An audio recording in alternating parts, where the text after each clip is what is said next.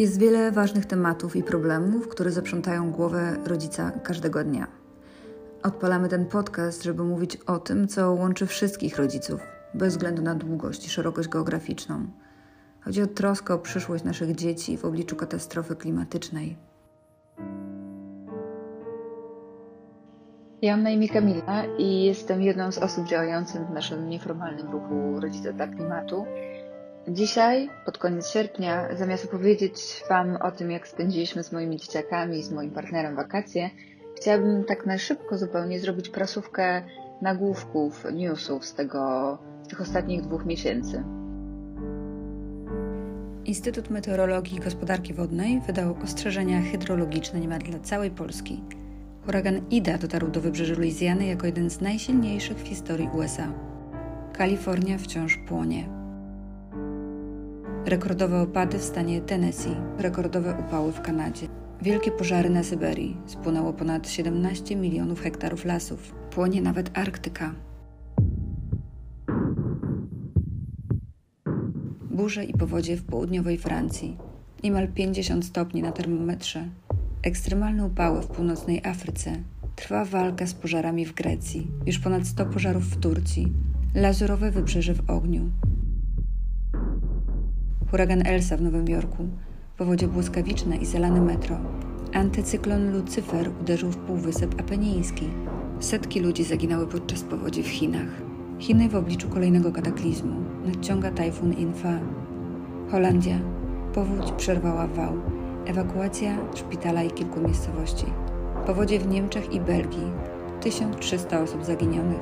Straty mogą sięgać miliardów euro. Arktyka straciła obszar lodu morskiego równorozmiarowi Florydy między czerwcem a połową lipca 2021 roku. Wiem, wiem, że macie już dosyć, ale zapewniam Was, że to nie wszystkie dramaty wywołane radykalnymi zmianami klimatu, które nawiedziły nasz świat tego lata. W tych mainstreamowych mediach niewiele jest informacji o rekordowych suszach, z, z którymi borykają się aktualnie mieszkańcy Bliskiego Wschodu, tym Syrii, Iranu, Jemenu czy Afganistanu. Możecie sobie zadać pytanie, czy i jak te zjawiska wpływają na sytuację polityczną i stabilność tych regionów, a także reszty świata.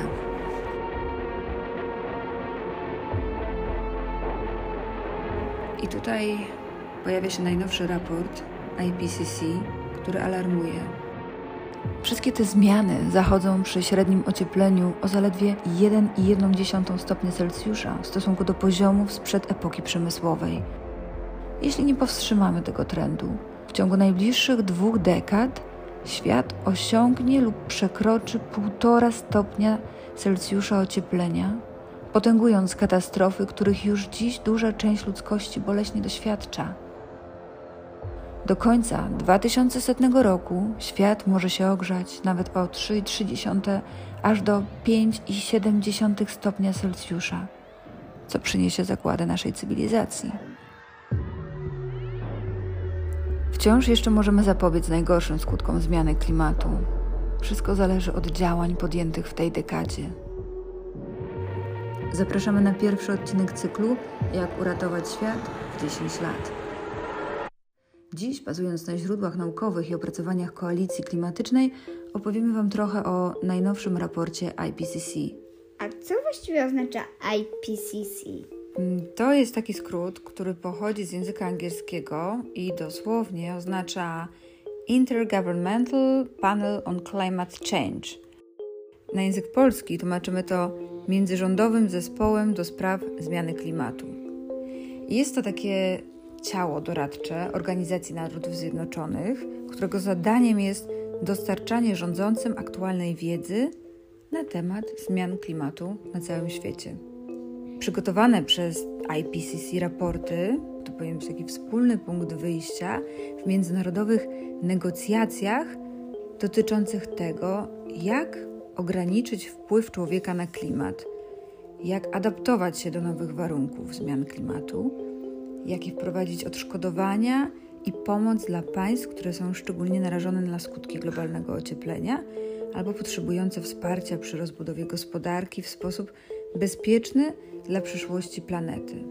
W tych e, scenariuszach opisanych w najnowszym raporcie IPCC istnieje aż ponad 50% szans na to, że osiągnięcie lub przekroczenie 1,5 stopnia Celsjusza ciągu najbliższych 20 lat nastąpi. W tym scenariuszu wysokiej emisji świat osiąga ten próg 1,5 stopnia jeszcze nawet szybciej niż w ciągu 20 lat. Tak naprawdę w ciągu 15-16 lat. I jeśli tylko nikt nie powstrzyma, to globalne ocieplenie może wzrosnąć potem do końca tego wieku nawet do ponad 5 stopni Celsjusza. Czyli pomyśl, jeżeli teraz przy takim e, ociepleniu o 1,1 stopnia dzieją się już takie rzeczy w tak krótkim czasie na całym świecie, to jakie mogą się stać wtedy? Otóż to. Aby zrozumieć wyjątkowość tych zmian, warto zaznaczyć, że świat nie doświadczył globalnego ocieplenia o więcej niż 2,5 stopnia od ponad 3 milionów lat, czyli całej planecie zajęło ponad 3 miliony lat ocieplanie się o 2,5 stopnia. A my teraz w ciągu tych 100 lat, ludzie, ociepliliśmy planetę o ponad 1 stopień i ciągle przyspieszamy to tempo. Jednocześnie raport IPCC pokazuje, że nawet przy bardzo rygorystycznym ograniczeniu emisji pewne konsekwencje zmian klimatu są już nie do uniknięcia, ponieważ wprowadziliśmy już za dużo ciepła do systemu klimatycznego. Dlatego to jest pewne, że jako ludzkość stajemy w obliczu coraz bardziej niebezpiecznych i destrukcyjnych ekstremalnych zjawisk pogodowych niż te, które na przykład wydarzyły się w ciągu tych wakacji na całym świecie. Nadal możemy ograniczyć ocieplenie do 1,5 stopnia do końca wieku, ale wysiłki na małą skalę nie wystarczą. Jak myślisz, co by się musiało zadziać, żeby tak radykalnie ograniczyć emisję? No nie wiem. Albo by musieli się zmienić politycy, albo by zrozumieć. Dobrze to ująłeś. Tych zmian, których powinni dokonać politycy, jest naprawdę bardzo dużo. Przede wszystkim powinni jasno powiedzieć ludziom, że to ocieplenie, które teraz postępuje, wynika ze spalania paliw kopalnych i nasza gospodarka nie może dłużej trwać w takim samym kształcie, w jakim trwała przez ostatnie dekady, żeby już więcej nie emitować dwutlenku węgla do atmosfery. Oprócz tego na pewno powinni ograniczyć produkcję plastiku i śmieci. Przypomnijmy, że plastik produkujemy z ropy. I jeszcze takie kolejne wyzwanie, które się wydaje w Polsce dla polityków absolutną abstrakcją, to jest e, przemiana rolnictwa w kierunku roślinnym. To znaczy, im więcej hodujemy zwierząt po to, żeby je potem zjadać, tym więcej emitujemy do atmosfery metanu i dwutlenku węgla, nie wspominając już o wyjałowieniu gleb, na których tak naprawdę mogłyby rosnąć rośliny, którym można byłoby bez problemu wykarmić całą planetę, co sprzyjałoby tylko naszemu zdrowiu. Poza tym politycy powinni inaczej gospodarować lasami, które są naszymi naturalnymi pochłaniaczami dwutlenku węgla. Wiesz, co jest naszym codziennym pochłaniaczem oprócz yy, lasów? Co? Lądy i oceany. Też pochłaniają. Serio, są bardzo ważnymi pochłaniaczami.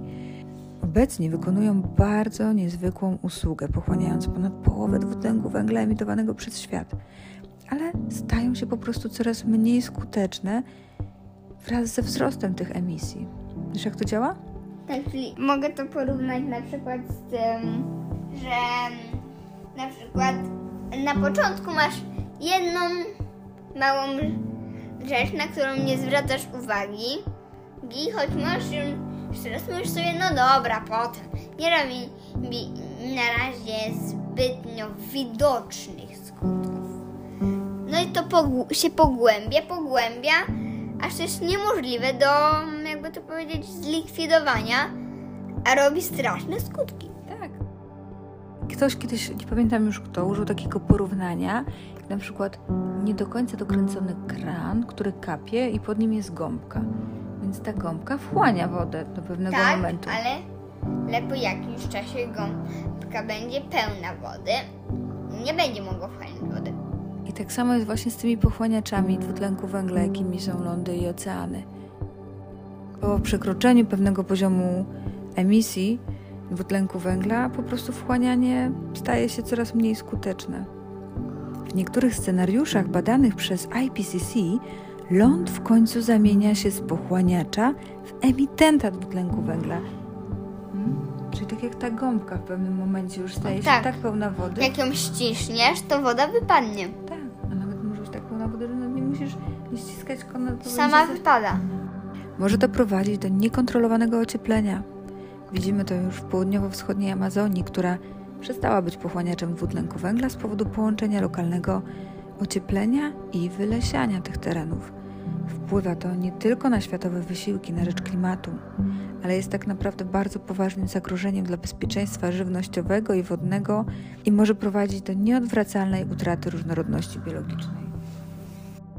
Raport IPCC pokazuje, że wszystkie obszary naszej planety zostaną dotknięte przez skutki zmian klimatu z ogromnymi kosztami ludzkimi i ekonomicznymi, które zapewne przewyższają tych działań, które powinniśmy podjąć jako kraje, żeby temu wszystkiemu zapobiec.